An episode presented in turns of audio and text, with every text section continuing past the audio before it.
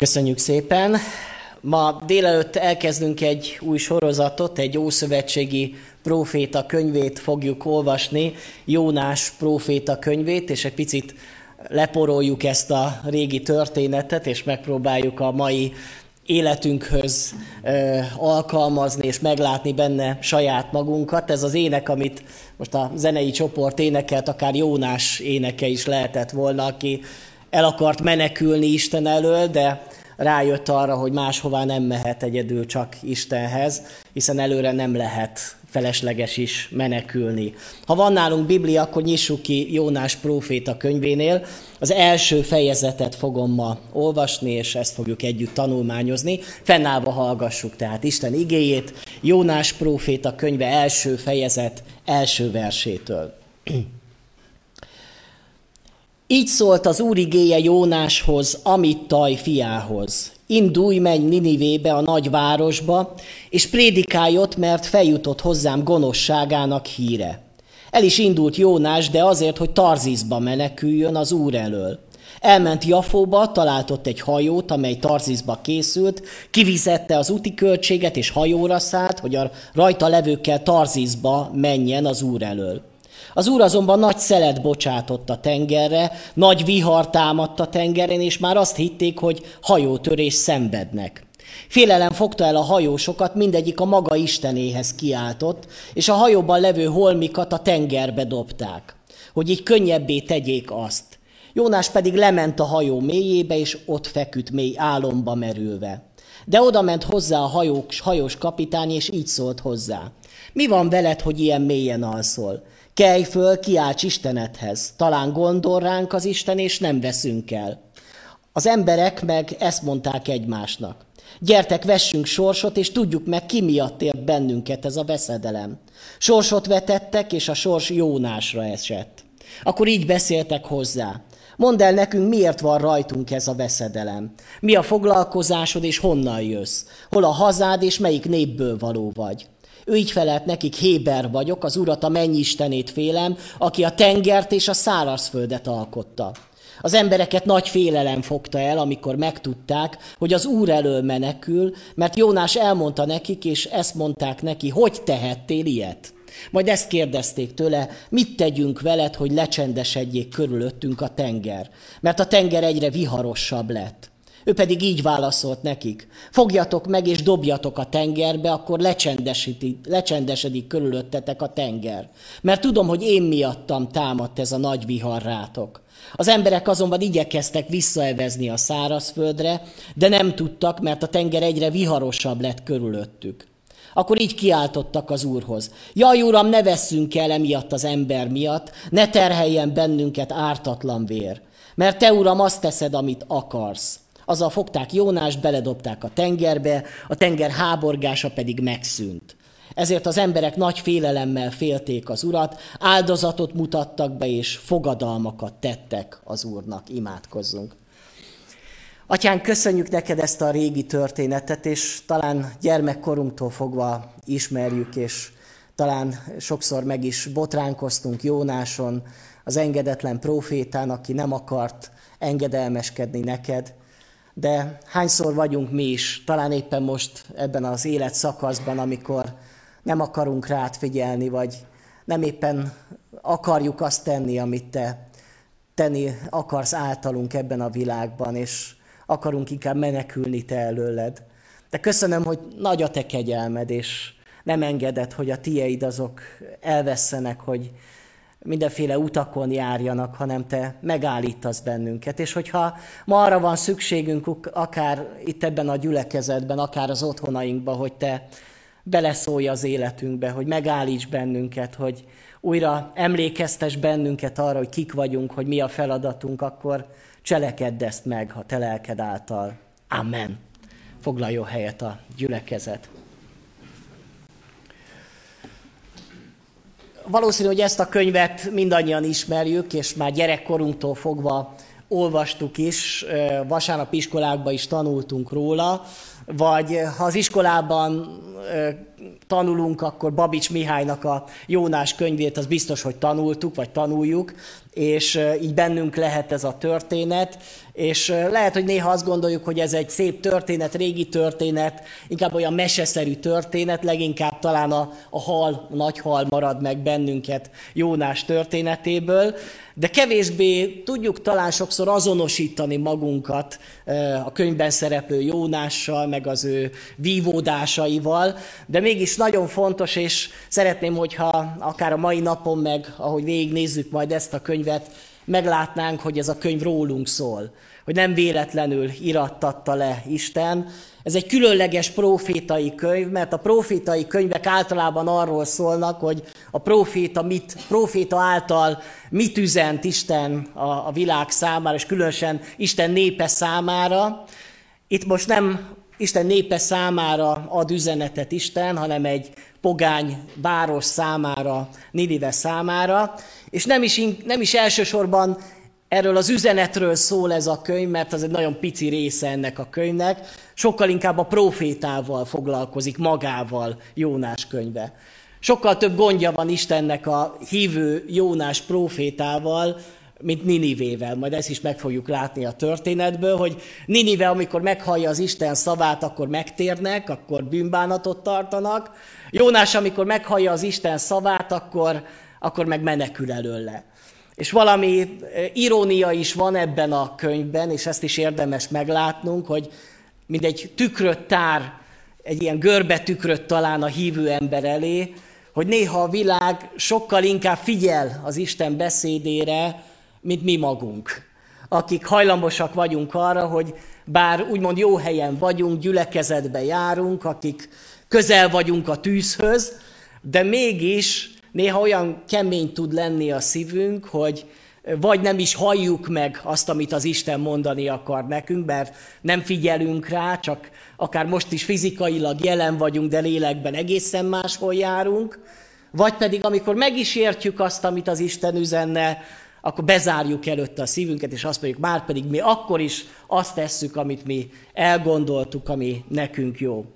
Tehát ez a könyv nagyon tanulságos és nagyon aktuális, szól a, a szolgálatról, arról, hogy mire is hívott el bennünket az Isten, szól arról, hogy engedelmességre hívott el bennünket az Isten, hogy amit ő mond, elvárja és arra számít, hogy mi megtesszük azt, amit nekünk mond. Szól a misszióról, ami a küldetésünk ebben a világban, és szól arról is, hogy lehet nemet mondani az Istennek.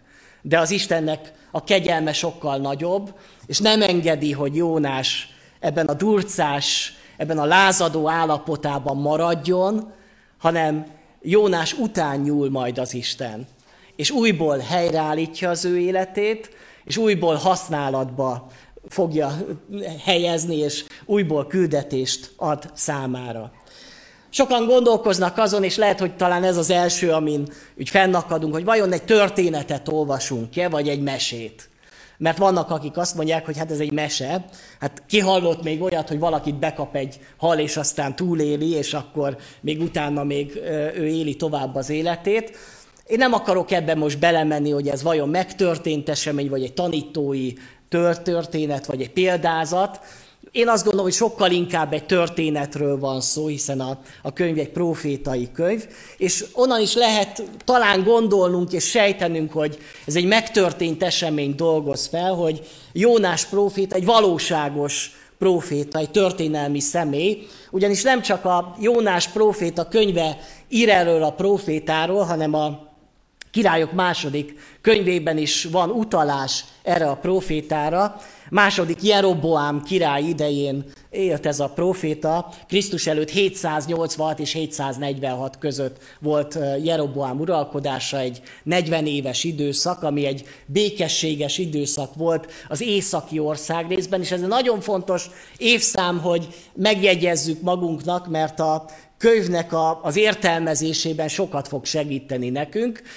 Lehet, hogyha annyira most nem vagyunk járatosak a ókor történetében, vagy a Izrael történetében, akkor nem biztos, hogy sokat mond nekünk ez az évszám, de 722-t még jegyezzük meg, Krisztus előtt 722-t, amikor a Asszír birodalom fogságba viszi Izraelt, tehát az északi országrészt, azt az országrészt, ahol Jónás is élt és profétált. Tehát alig több mint 20-25 évvel később amikor ez a történet megtörténik, utána az a nép, akiknek a proféciát viszi Jónás, az a nép viszi fogságba Izraelt. És itt majd meg fogjuk érteni, hogy miért nem akart Jónás Ninivébe menni.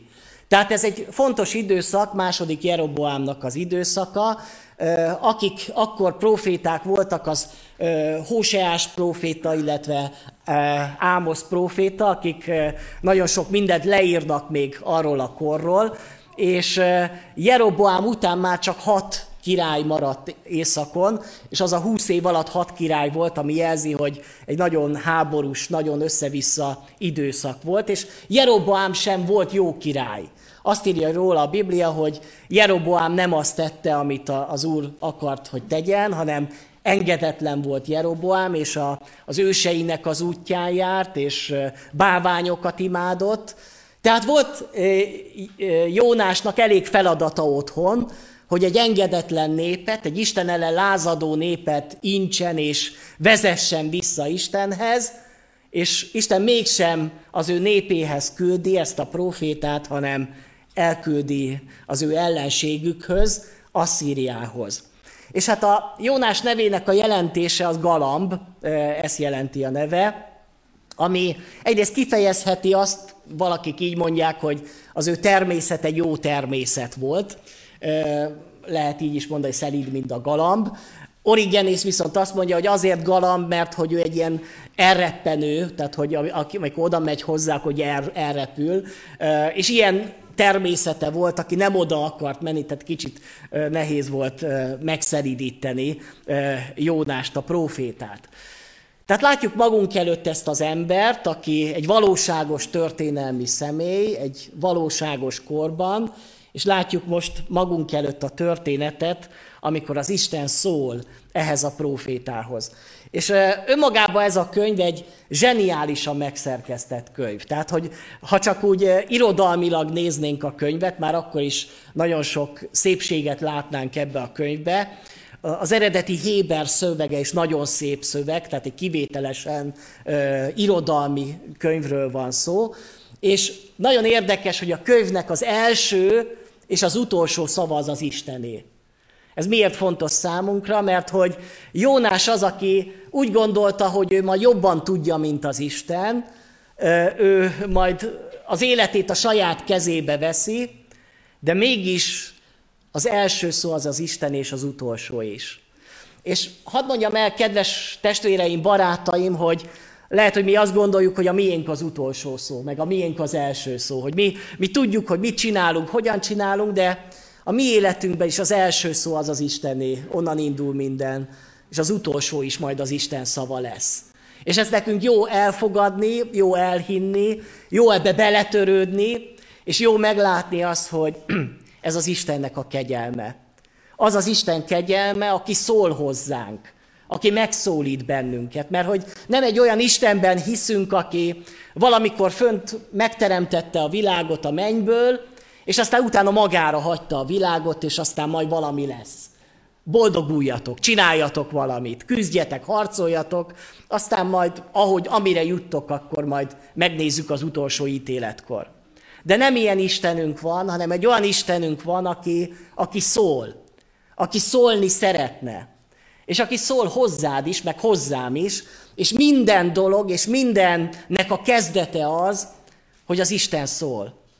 És nem tudom, testvérek, hogy, hogy szokott-e hozzátok szólni az Isten. Habár ma nem olyan módon szól hozzánk, hogy mennydörgő hangon az égből, vagy talán nem is olyan módon, hogy angyalok jönnének és látogatnának meg bennünket, bár én szívesen találkoznék egyel, és elbeszélgetnék vele is, de legtöbbször Isten a, az igéjén keresztül akar szólni hozzánk vagy egy ige hirdetésen keresztül, vagy testvéren keresztül, de az Isten ma is szól. És nem tudom, hogy miért jöttetek ma el az imaházba. Azért, mert vasárnap van, és el kell jönni, mert különben mit mondanak mások. Bár lehet, hogy most éppen ezért valakik azért nem jöttek, ugye járványhelyzet van, tehát van jó kifogásunk, hogy miért ne jöjjünk. Tehát még ez is benne lehet ebbe a dologba, de hogy azért jöttünk el ma, mert hogy az Isten akar hozzánk szólni. És késze a szíved arra, hogy Istenem, én azért jöttem ezen a, erre az Isten tiszteletre, vagy azért ültem le otthon a, a képernyő elé, mert én arra vágyom, hogy szóljál hozzám, Istenem. Mert nem tudom, hogy mit kell tenni az életbe, vagy milyen feladatom van. Néha azt gondoljuk, hogy megy az élet. Tudjuk mi most, hogy mi a feladatunk, csináljuk a diákoknak azt, hogy tanuljanak, az idősebbek, hogy dolgozzanak, az idősebbek már a nyugdíjasok meg, hogy élvezék a nyugdíjas éveket, vagy foglalkozzanak az unokákkal, meg egyéb feladatok. Tudjuk, hogy mi a feladatunk, de hogy tud-e beleszólni az életünkbe Isten. És már pedig azt látjuk, hogy Jónás életébe jó alaposan beleszól Isten. És egy egészen új útra indítja Jónást, olyan útra, amire, amire ő nem akart, amire nem is számított, amit ő magától biztos, hogy nem gondolt volna, és főleg nem is akart. Ez az Istennek az indítása. És hadd mondjam el, hogy van, amikor az Isten olyan dolgokat mond nekünk, ami, ami ő kedves, úgy megsimogatja a mi lelkünket. És akkor úgy örülünk, hogyha az Isten szól, hogy megdicsér bennünket, de van, mikor olyan dolgot mond az Isten, amit én nem szeretnék. Ne akarjon beleszólni az életembe. Nem egyszer éppen most ugye házasság hete volt, meg uh, ifjúságban szerelemről beszéltünk, és uh, nem egyszer volt, hogy fiatal elkezdett udvarolni egy másiknak, és pontosan tudta azt, hogy ez nem Istentől van ez a kapcsolat. És az Isten szólt is sokféle módon, igén keresztül, mindenféle módon, de ő mégis azt mondta, hogy hát én azért csak tudom, hogy ez, ez szerelmes vagyok. És aztán meg is lett a következménye. Engeded-e, hogy az Isten beleszóljon az életedbe? Hogy megkérdőjelezze a te döntéseidet, és felülírja a te döntéseidet, és azt mondja, hogy nem ebbe az irányba, hanem abba az irányba. És ezt néha egy hétköznap, vagy egy, egy, egy, egy átlagos napon is megtörténhet, hogy te eltervezed, hogy mit szeretnél csinálni azon a napon, és az Isten ma azt mondja, hogy nem. Nekem egy másik tervem van. Az Isten szól. Ő kezdeményez. És lehet, hogy a mai napon is Isten akar valamit mondani neked. Kész vagy-e, hogy meghalljad az Isten szavát? Ugye azt mondja első korintusi levél 6. fejezet 19-es verse, hogy ugye ott ebben a fejezetben arról beszél, hogy a testünk a Szentléleknek a temploma, és így összegzi tulajdonképpen Pál, hogy nem a magatokéi vagyunk, vagy vagytok. Nem a magunkéi vagyunk, hanem az életünk az Krisztusé. Tehát, hogyha te megtértél, ha be is merítkeztél, de hát még ha nem merítkeztél de akkor is igaz, amikor megtértél, akkor az azt jelentette, hogy átadtad az irányítást Istennek. Ha ez nem történt meg, akkor lehet, hogy nem tértél meg. Mert akkor csak érdeklődő vagy, vagy vonz téged az Isten, de a megtérés annyit jelent, hogy átadom az irányítást. Mostantól nem én vagyok életemnek az ura, nem a magamé vagyok, hanem, hanem Krisztusé vagyok. És a Krisztus, hogyha mond valamit, akkor, akkor én kész vagyok azt cselekedni. Tehát így volt ezzel Jónás is, aki Istennek a profétája, tehát Isten jogosan szól bele az életébe.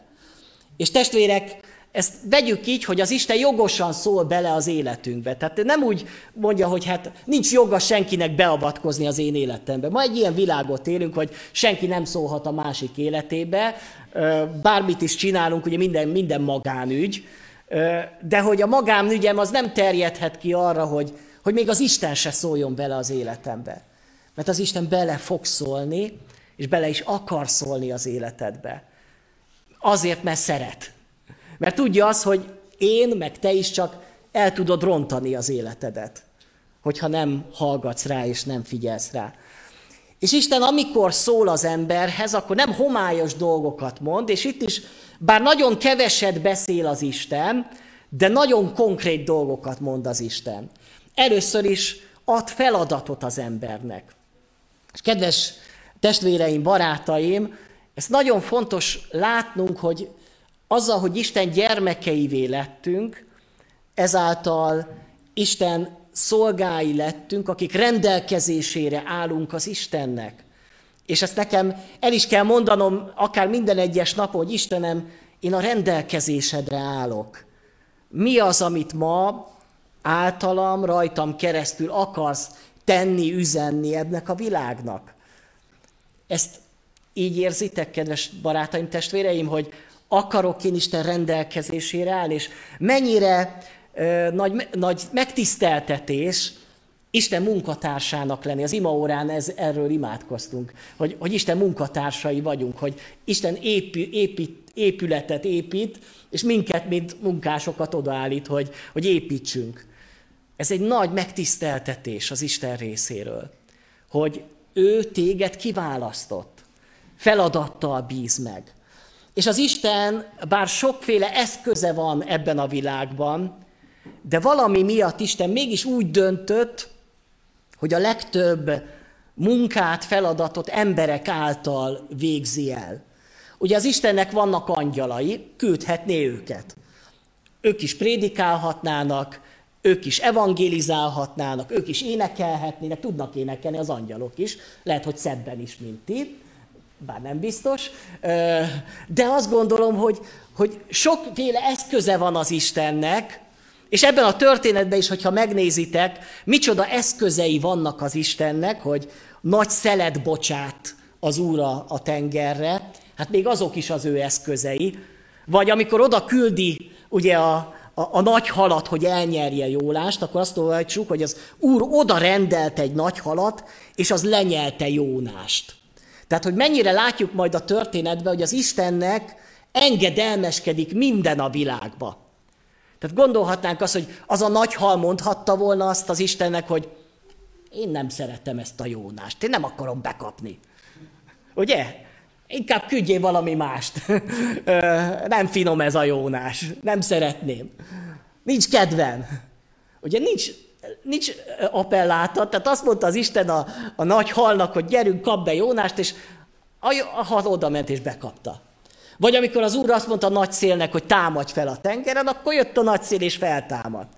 Egyedül egy valaki nem engedelmeskedik a történetbe, és az Jónás. És ez azt mutatja, hogy nekünk van lehetőségünk embereknek, hogy nemet mondjunk az Istennek. Ez a mi szabad akaratunk. Ami jó, mert hogy ez, ez egy olyan isteni tulajdonság, ami Istennek van meg, ezt megosztotta velünk, hogy dönthetsz. Dönthetsz úgy, hogy Isten akaratát akarod teljesíteni, vagy dönthetsz úgy, hogy nem. És mindegyik döntésnek meg lesz a következménye. De ebben azt látjuk, hogy az Isten embereket, téged is akar használni. És ezt éld meg úgy, hogy ez egy csodálatos dolog, hogy az Isten engem elhívott. Mennyire konkrét a vezetése, elmondja azt, hogy kikhez menjen oda, mit kell mondania, és azt is, hogy miért nagyjából. Minden tud Jónás. És kedves barátaim, kedves testvéreim, néha mi azt gondoljuk, mi nem tudjuk, hogy mi a feladatunk a világban. És hányszor hallottam már hívő emberekkel, mikor beszélgetek, hogy nem tudom, mi az Isten terve az életemmel. Fogalmam sincs, hogy mihez kezdjek. Ö, hadd mondjam el, hogy egyrészt az Isten már elmondta. Hát olvasd a Bibliát, ott meg fogod tudni, hogy mi Istennek az általános akarata. Egyrészt térjél meg, legyél szent, éljél szent életet, hogy hirdesd az evangéliumot, tehát ezek mind, nem kell megkérdezni az Istent, hogy akarod, hogy én megtérjek, vagy akarod, hogy én hirdessem az evangéliumot. Ez benne van a Bibliában, ez az Isten akarata.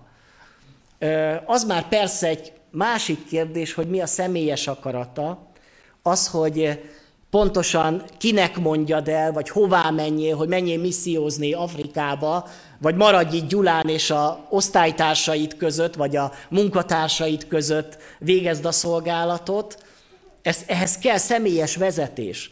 De ha neked van kapcsolatod az Istennel, akkor meg kell, hogy halljad és értsed, hogy az Isten mit akar veled a te életeddel. Hogy ki legyen a feleséged, vagy ki legyen a férjed. Ebben is isteni vezetés, mert nehéz kiolvasni a Bibliából. Ugye volt, aki kinyitotta, és az, hogy ne félj elvenni Máriát, ugye? Tehát csak ritkán van ilyen ige, és ha éppen Mária az, aki tetszik neki, akkor még isteni vezetést is talált. De ez ritka az ilyen, amit talál az ember. Ehhez az kell, hogy neked jó kapcsolatod legyen az Istennel. És azért Jónásnak volt jó kapcsolata az Istenem, mert mielőtt még őt tényleg nagyon megköveznénk azért, milyen engedetlen, azért azt kell látnunk, hogy Jónás meghallja az Isten szavát. Nem kétséges számára, hogy az Isten mit akar, hogy cselekedjen. Az is fontos, hogy azt akarja Isten, hogy prédikáljon, hogy hirdesse az evangéliumot. És Isten mindenkori népének az a feladata ebben a világban, hogy mi hirdessük az evangéliumot. Lehet, hogy ezt nem olyan módon, hogy mint proféta Jónás tette, hogy kiállva a főtérre, és azt mondja, hogy dörgedelmes hang, hogy még 40 nap és elpusztul Gyula. Nem tudom, mit szólnának itt az emberek, lehet, hogy bezárnának valami sötét helyre bennünket, ahol fehér ruhások vesznek körül bennünket valami pszichiátrián. Tehát nem ilyen módon kell hirdetni ma az evangéliumot, de az biztos, hogy Isten azzal bízott meg bennünket, hogy hirdessük. És az is igaz, hogy amikor Isten azt mondja, hogy indulj, akkor ott nem csak az van, hogy indulj és menj, hanem az van benne, hogy indulj, menj azonnal. Ne késlekedj, most. Tehát Jónásnak nem azt mondja, hogy majd egyszer, majd el fogsz menni Ninivébe. Készüljél most még éveken keresztül, ugye rágd meg ezt a dolgot, vagy emészd meg ezt a gondolatot. Amikor Isten szól Jónáshoz, akkor azt mondja, indulj, menj Ninivébe most, azonnal. Szedd össze a cokmókodat, amit vinni kell, és menjél. És Isten néha ilyen dolgokat, ilyen dologba is vezet bennünket, amikor azt mondja, hogy most, hogy ne várjál. És lehet, hogy valakinek ma azt mondja az Isten ezen az Isten tisztelete, hogy most, hogy most van itt az idő. Hogy most van itt az idő, hogy megtérjél, most van itt az idő, hogy valamilyen bűnt lerakjál az életedbe, most van itt az idő, hogy elindulj végre azon az úton, amit az Isten kijelölt számodra, nem majd holnap, meg majd öt év múlva, majd tíz év múlva, hanem most. És itt jön a történetnek a, a csavarja, mert hogy idáig, ahogy az Isten szól, idáig olyan tök, tökéletes, de amikor Jónásnak a reakcióját látjuk, akkor majd azt látjuk, hogy ő el is indul azonnal. Tehát, mintha engedelmes lenne, csak épp a másik irányba. És hogy itt felvetődik a kérdés, hogy miért nem akar ez a jó ember elmenni Ninivébe. Az egyik dolog, amit ugye megtudunk Ninivéről, hogy Ninive bűnös város volt. Hát ez ugye egy ilyen szent embert, mint amilyen Jónás volt, ez már visszariasztott, hogy mit keresek én ezek között a bűnös emberek között. Miért menjek én olyan környezetbe? Én szeretek itt a úgymond hívő ember. Tudom, hogy a országban is van sok, még az Isten népek között is van sok gond. Miért menjek én azok közé, az emberek közé? Aztán ellenséges város volt, tehát tudták azt, hogy állandóan veszélyeztetik az országot, és valószínű, hogy meg fognak minket támadni. Ez egy pogányváros, ahol pogány isteneket imádtak. Tehát volt egy politikai akadálya Jónásnak, akkor is azért sokat számított a politika, sajnos most is az életünkbe beleszól, és az a politikai akadály az volt, hogy egy ellenséges nép közé, idegen népek közé nem fogok menni. Mert örülök annak, hogyha elpusztul Ninive, mert mi van akkor, hogyha véletlenül megtérnek, már pedig ugye meg is fognak térni, mert ha elpusztul Ninive, akkor milyen jó nekünk, mert nem fognak minket megtámadni. Hát erre vártunk. Ennek örülünk. És az Isten meg akarja menteni a mi ellenségünket. Hát nem már. És itt valamit az Isten az ő szívéből kitár Jónásnak, hogy azokat is szereti az Isten, akik ellene lázadnak, akik nagyon bűnösek, akik ellenségeink és az életünkre törnek, hogy őket is szereti. Nem érti Jónás az Istent. És volt persze vallási akadály, mert hogy ő meggyőződése az volt, hogy mi zsidók, mi vagyunk Isten választott népe. Istennek mi köze van ehhez a pogány néphez? Megvan nekik a saját Istenük. Én nem akarok oda menni. Ez egy vallásos akadály volt, ami bekorlátozta az ő gondolkodását. És lehet, hogy néha bennünk is vannak akadályok, amikor az Isten szól hozzánk. Lehet, hogy nem ezek, pont ezek az akadályaink, hogy van vallásos akadályunk, mert néha a vallásosságunk, a, a gondolkodásunk, ahogyan gondolkodunk Istenről, a teológiánk, a dogmatikánk lehet, a lehet akadálya annak, hogy, hogy az Istennek szolgáljunk. Mert megideológizáljuk azt, hogy miért ne csináljuk azt, amit az Isten akarja, hogy csináljunk. Vagy lehet, hogy előítéletek vannak bennünk, mint ami előítéletek Jónásba voltak azok ellen az emberekkel szembe.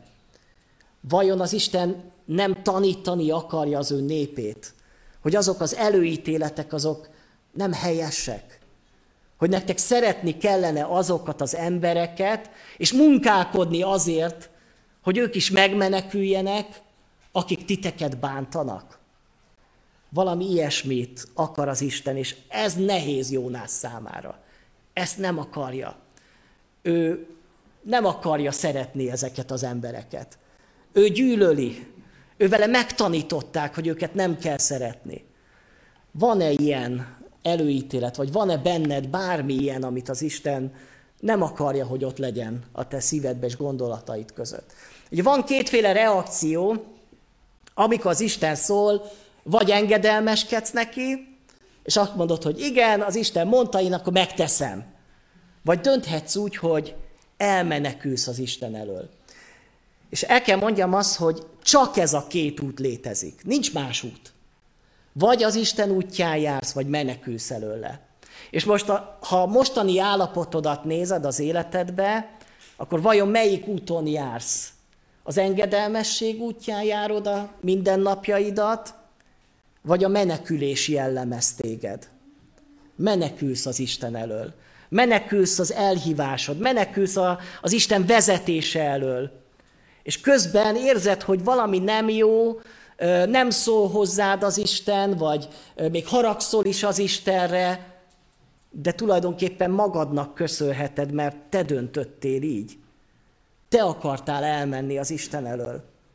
Ma miben menekül az ember? Ma lehet, hogy nem Tarzizba, hanem lehet, hogy a munkába menekülünk bele. Vagy belemenekülhetünk hobbiainkba, ugye? Tehát soha nem érek rá, mert mindig, mindig van mit tennem.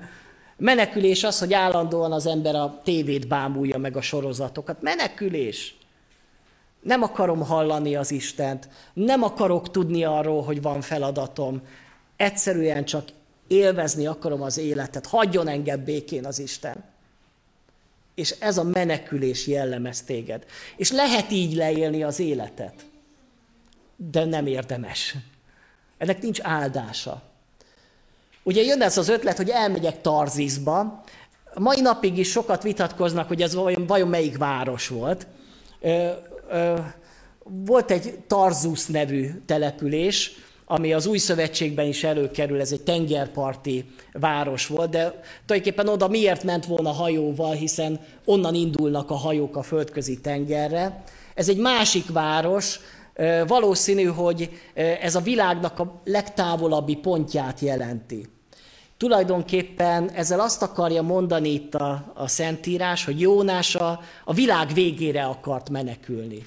Le akart menni a térképről. Értitek? Olyan helyre megyek, ahol még az Isten se fog megtalálni engem. De van-e olyan hely, ahová elmenekülhetnél? Le tudsz-e menni a térképről, hogy az Isten ne találjon meg téged? Hát ilyen hely nincsen. Valahol az Isten mindig rád talál. És nagyon érdekes a történetbe az, és itt megint csak mondom, hogy Héber szöveg nagyon zseniális, az, hogy úgy mutatja be, hogy Jónás egyre lejjebb megy.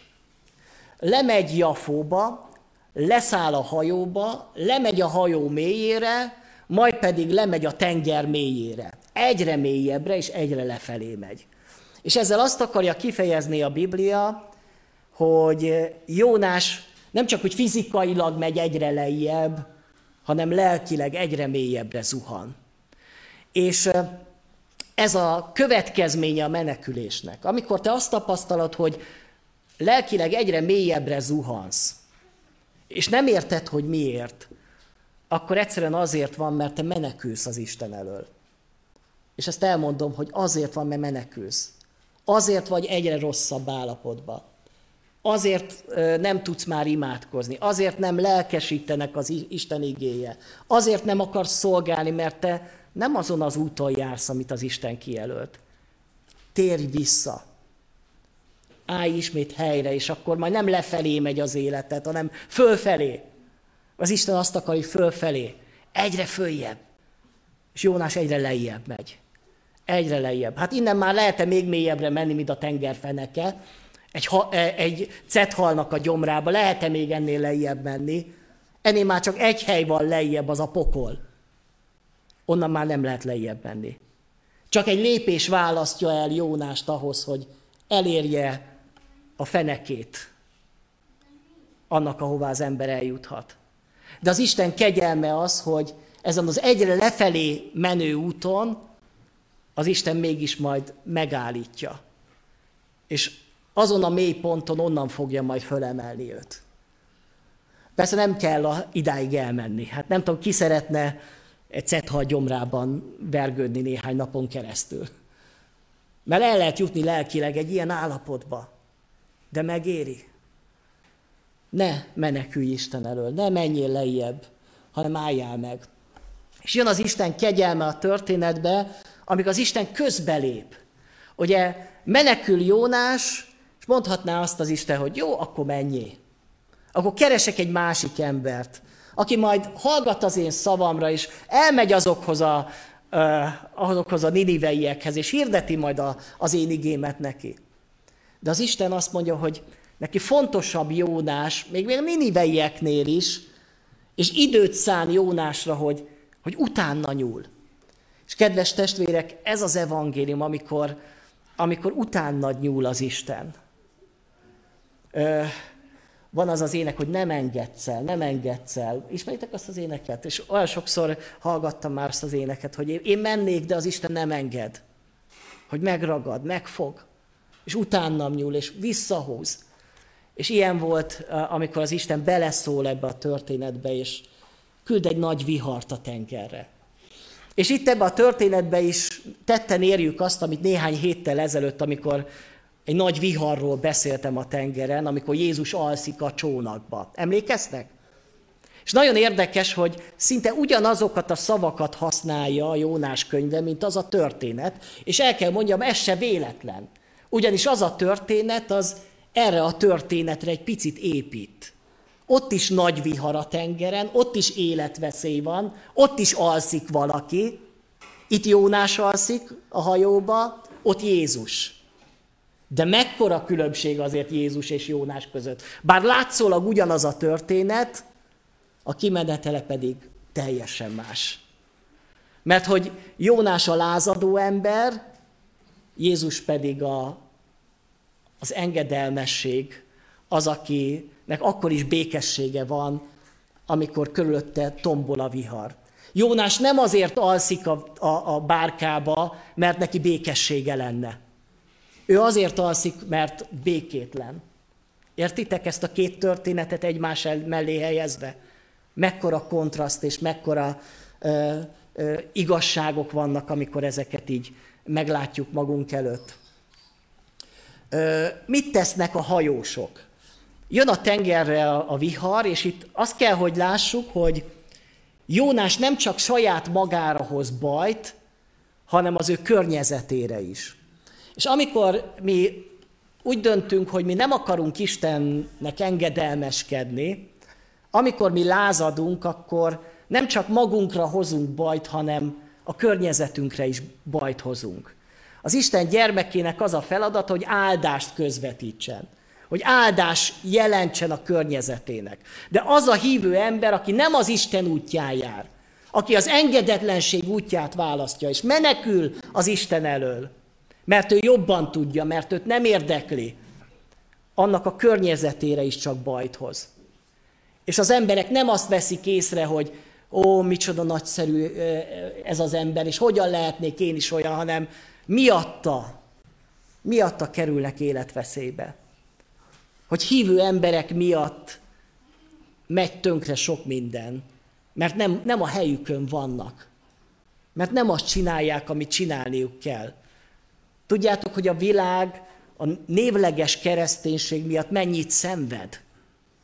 Azok, azok, akik nem engedelmeskednek az Isten igéjének, csak mondják, hogy mekkora keresztények vagyunk. És miattunk gyalázzák az Isten nevét. Ezt is látnunk kell a történetbe. És ezek a hajósok, ugye amikor jön a vihar, elfogja őket a félelem, és elkezdenek kiáltani az ő isteneikhez. Hát nem tudják, hogy azok az istenek nem léteznek, de elkezdenek imádkozni. Bár nem tudják, hogy kihez kell imádkozni, csak imádkoznak. Segíts rajtunk. A holmikat a tengerbe dobják. Tulajdonképpen az történik ezekkel a hajósokkal, mint hogyha ők megtérnének.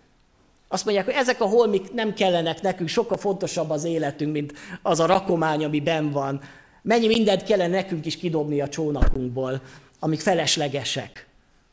Lehet, hogy az ember csak akkor jön rá, amikor ilyen hánytorgó viharba van, és amikor uh, süllyed a hajónk, akkor, hogy hát erre sincs szükségem, erre sincs szükségem, ezt is kidobom, azt is kidobom, és lehet, hogy csak az én, az én életem marad meg a végén. Lehet, hogy neked most éppen sok mindent ki kéne dobni a csónakból. Tehát sok mindent látunk a történet. Azt látjuk, hogy a hajósok azok hívőbben viselkednek, mint a hívő ember. És itt megint csak ez a, ez a irónia látszik, hogy néha megtörténik az, hogy a világ még a hívő embereket is megszégyeníti. Hogy erkölcsösebbek, etikusabbak, mint a sok-sok keresztény, aki, aki büszke, magabiztos, és, és mégis tele előítélettel, gyűlölettel, haraggal. És ez a történet ezt is bemutatja, mert miközben ők imádkoznak, Jónás aluszik. És ez azt gondolom, hogy ez nem az az alvás, ami ugye Jézus alvása, ez az alvás sokkal inkább a békétlenség, a kifáradás. Ő tulajdonképpen belefárad ebbe a menekülésbe. Azt is mondom, hogy kicsit depressziós. A depressziós emberek azok, akik nagyon sokat alszanak általában. Mert hogy, hogy egyszer annyira kimeríti őket az a belső tusakodás, az a belső háborúság, ami dúl az ő értelmükben, az ő lelkükben, hogy ez fizikailag is kifárasztja őket. Nincs erőm semmihez. Lemegyek és alszok. Nem tudom, hogy éltél-e már meg ilyet az életedbe, amikor semmihez már nincs kedved. Amikor már föladtad az egészet, és csak alszok egy jót. Nincs már erőm semmihez. És ez, ez azt gondolom, megint csak azt mutatja, hogy Jónás nagyon-nagyon nincs a helyén. És aztán jönnek, jönnek az ébresztések, ugye? Tehát fölébresztik Jónást, és ez a történetben megint egy ilyen szimbolikus jellegű, amikor a világi emberek fölébresztik a hívőket. És lehet, hogy el fog jönni az az idő, amikor a világ fogja felébreszteni az egyházat, hogy, hogy ébredjetek már föl, mert baj van. Mert bajban van az egész világ, süllyed a világ, mint ez a hajó. És hatalmas a vihar körülöttünk. Ti meg mit csináltok? Alszotok. És a világ szól már, hogy ti hívők vagytok, nem? Csináljatok már valamit. Hogy lehet, hogy a világnak kell bennünket felébreszteni. Vagy mi magunktól fölébredünk, és meglátjuk, hogy, hogy van feladatunk. És jönnek a történetnek a kérdései. Bírjátok? Még én nagyon szerettem ezt a történetet, úgyhogy én el vagyok ezzel még órákig is. Csak nem biztos, hogy ti is. De nagyon-nagyon jó kérdéseket tesznek föl a hajósok. És ezek megint csak a mindenkori hívő embereknek feltett kérdések, amiket feltesz ma a világ nekünk is. Amikre válaszokat vár a világ. Ugye mi az első kérdésük? Mi van veled, hogy ilyen mélyen alszol? Miért, miért alszol te?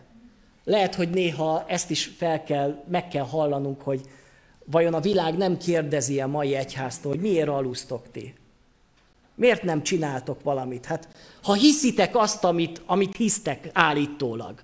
Mert mi mit hiszünk? Azt hiszük, hogy ha valaki megtér, az üdvözül, az Isten gyermeke, aki pedig nem hisz, az elkárhozik. Hisszük ezt?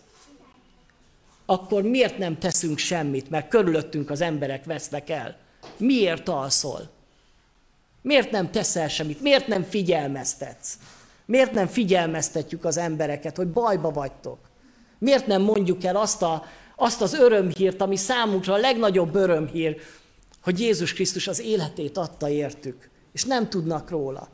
Miért alszotok? Miért alszom? Miért nem csinálom azt, amit csinálnom kéne? Miért van rajtunk ez a veszedelem? Ma azt mondhatnánk, hogy a világ felteszi, és hogy egyháztól várja a választ, hogy miért van annyi nyomorúság a világban. Halljuk ezeket a kérdéseket? Miért van járvány ezen a világon? Miért van halál? Miért van betegség a világon? Ezeket a kérdéseket a világ az egyháztól, a hívő emberektől várja. Jónástól várja. Tudunk-e rá választ adni? Vagy azt mondjuk, hogy hagyjatok minket békén. Aztán megkérdezi, mi a foglalkozásod, honnan jössz, hol a hazád, melyik népből vagy, vagyis hogy ki vagy te, mi az identitásod. És itt azt gondolom, hogy ez a kérdés rávilágít arra, hogy, hogy Jónásnak fontos, hogy magával tisztába legyen. És neked is, meg nekem is nagyon fontos, hogy magammal tisztába legyek, hogy ki vagyok én. Ki vagy te? Ha ma a világ megkérdezi, akkor ki vagy te? Akkor te mit válaszolsz? Honnan jöttél? Mi a foglalkozásod? Mi a hazád? Melyik népből vagy?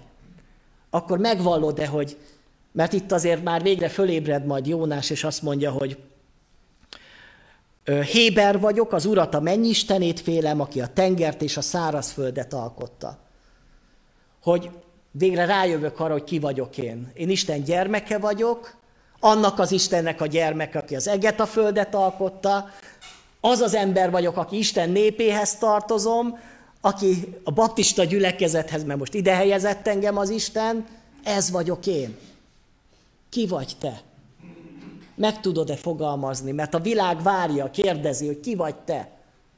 Egy hívő ember vagy, vagy egy vallásos ember vagy, egy kulturálisan vallásos ember vagy, vagy valóban az vagy, akinek mondod magadat. Ki vagy te?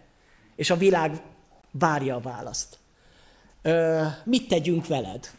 Mit tegyen a világ az egyházzal? A semmire kellő egyházzal semmit nem lehet bedobni a tengerbe, semmire nem való. Ugye, ha só megizetlenül, eltapodják, semmire nem való. Nem, nem jelent ö, áldást ránk nézve. És hogy tehettél ilyet? Hívő létedre hogy tehettél ilyet? És milyen durva dolog, amikor a világ mondja ezt a hívőnek, ugye? Hogy te mondod magadat hívőnek. Hát te se vagy jobb, mint mi. Sőt, rosszabb vagy, mint mi. Hogy tehettél ilyet? Mert hogy mi ilyet teszünk, az egy dolog, mert mi nem vagyunk hívők. De te, hívő létedre, hogy tehettél ilyet? Én azt gondolom, hogy ezek nagyon komoly kérdések. És ezeket a nagyon komoly kérdéseket ma a világ ugyanúgy felteszi nekünk, jónásoknak, hogy a helyünkön vagyunk-e, hogy tesszük-e azt, amivel az Isten megbízott minket, vagy szépen szunyókálunk, amit csónakunk alján, és közbe pedig dől össze körülöttünk a világ, és lehet, hogy ezt a bajt miattunk van a világba. És mi vagyunk a felelősei. Értitek a történet, hogy mennyire mennyire mai és mennyire rólunk szól. És itt kezdődik Jónás ébredése, amikor Jónás végre bizonyságot tesz, hogy a mennyi Istenét, az Urat félem, aki a tengert, a szárazföldet alkotta, bevallja, hogy az Úr elől menekülök, és még egy dolgot mond el Jónás, és ez a legfontosabb dolog, hogy mert tudom, hogy én miattam támadt ez a nagy vihar rátok. Ez a legnagyobb bátorság az ember életébe, amikor bevallja azt, hogy, hogy miattam.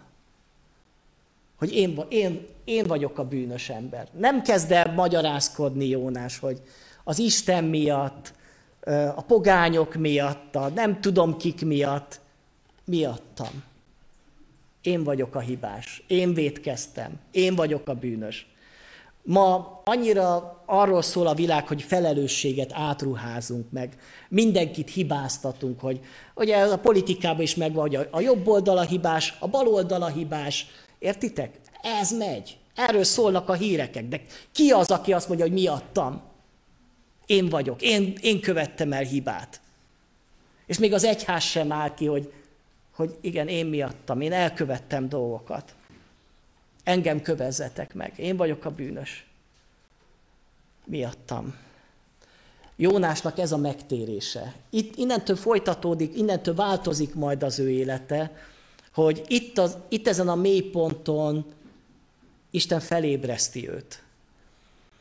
Minket mikor tud felébreszteni az Isten? Mikor látjuk meg azt, hogy nem vagyunk a helyünkön? Mikor, mikor látjuk meg azt, hogy az életem folyamatos menekülés az Isten jelenléte a szolgálata elől? És jön egy csoda, amikor a hajósok megtérnek. Mert hogy azt látjuk, hogy először is megpróbálják megmenteni Jónás, nem akarják bedobni a tengerbe, és a történet végén azt olvastuk, ezért az embereket nagy félelemmel félték az urat, áldozatot mutattak be, és fogadalmat tettek az úrnak. Ugye az előző részben, még, vagy előző versekben azt olvasjuk, hogy saját Istenükhöz imádkoztak, itt meg arról beszélnek, már arról beszél az ige, hogy, hogy nagy félelemmel félték az Isten. Tehát az Isten Jónásnak ezt a tévútját, még ezt is felhasználta. Hogy ez a, ez a nagy kegyelem a történetbe, hogy lehet, hogy én menekülök az Isten elől, de még az Isten még azt is felhasználja emberek megtérésért. Mert ekkora nagy a... Ha azt mondanák, hogy ha Jónás nem menekült volna el Isten elől, akkor ezek az emberek nem tértek volna meg. Akkor mégis jó, hogy elmenekült, nem? Persze nem ez kell, hogy kijöjjön belőle, csak az, hogy az Istennek ekkora kegyelme van, hogy még ezt is fel tudja használni. Most már befejezem, és Szeretném, hogyha így magunkra érvényesítenénk ezt a történetet, és így szembesülnénk azzal, ezekkel a kérdésekkel, hogy, hogy ki vagy te, ki vagyok én, mi a te identitásod, miről szól a te életed, a te elhívásod. Meg tudod-e magadnak fogalmazni, meg tudod-e másoknak fogalmazni, vagy csak úgy sodródsz az élettel. Mi a feladatod ebben a világban? Tudod azt, hogy az Isten mit vár tőled? Hogy mit szeretne, hogy megcselekedjél ebben a világban? Kész vagy-e engedelmességre, és azt mondja, Isten, itt vagyok, tegyél velem azt, amit akarsz. Vagy még ott van benned, hogy igen, szeretnék én engedelmeskedni, de csak addig, amíg az nekem jó. Vagy menekülsz előle. És most is ebben a menekülés állapotában vagy. Áldást hozol a környezetedre, körülötted megtérnek, helyreállnak kapcsolatok, vagy körülötted minden szétesik. Melyik állapotban vagy? És hogyha most éppen menekülő stádiumban vagy, mint Jónás, akkor szeretném ma hirdetni, hogy van lehetőség megállni. Nem kell még, még mélyebbre menni. Nem kell még lejjebb menni. Hanem ma, hogyha azt mondod, Istenem, én nem akarok tovább lázadni ellened. Nem akarok tovább menekülni előled én akarom azt, hogy ismét használj, akkor meg fogod tapasztalni, hogy Isten kiemel téged. És akkor nem kell bemenni a cethal gyomrába se. Mert az még rosszabb. Hát imádkozzunk, kezdes testvérek. Ha van imádság a szívünkbe, akkor mondjuk el most egyenként hangosan az Úrnak, és majd én fogom lezárni imádsággal.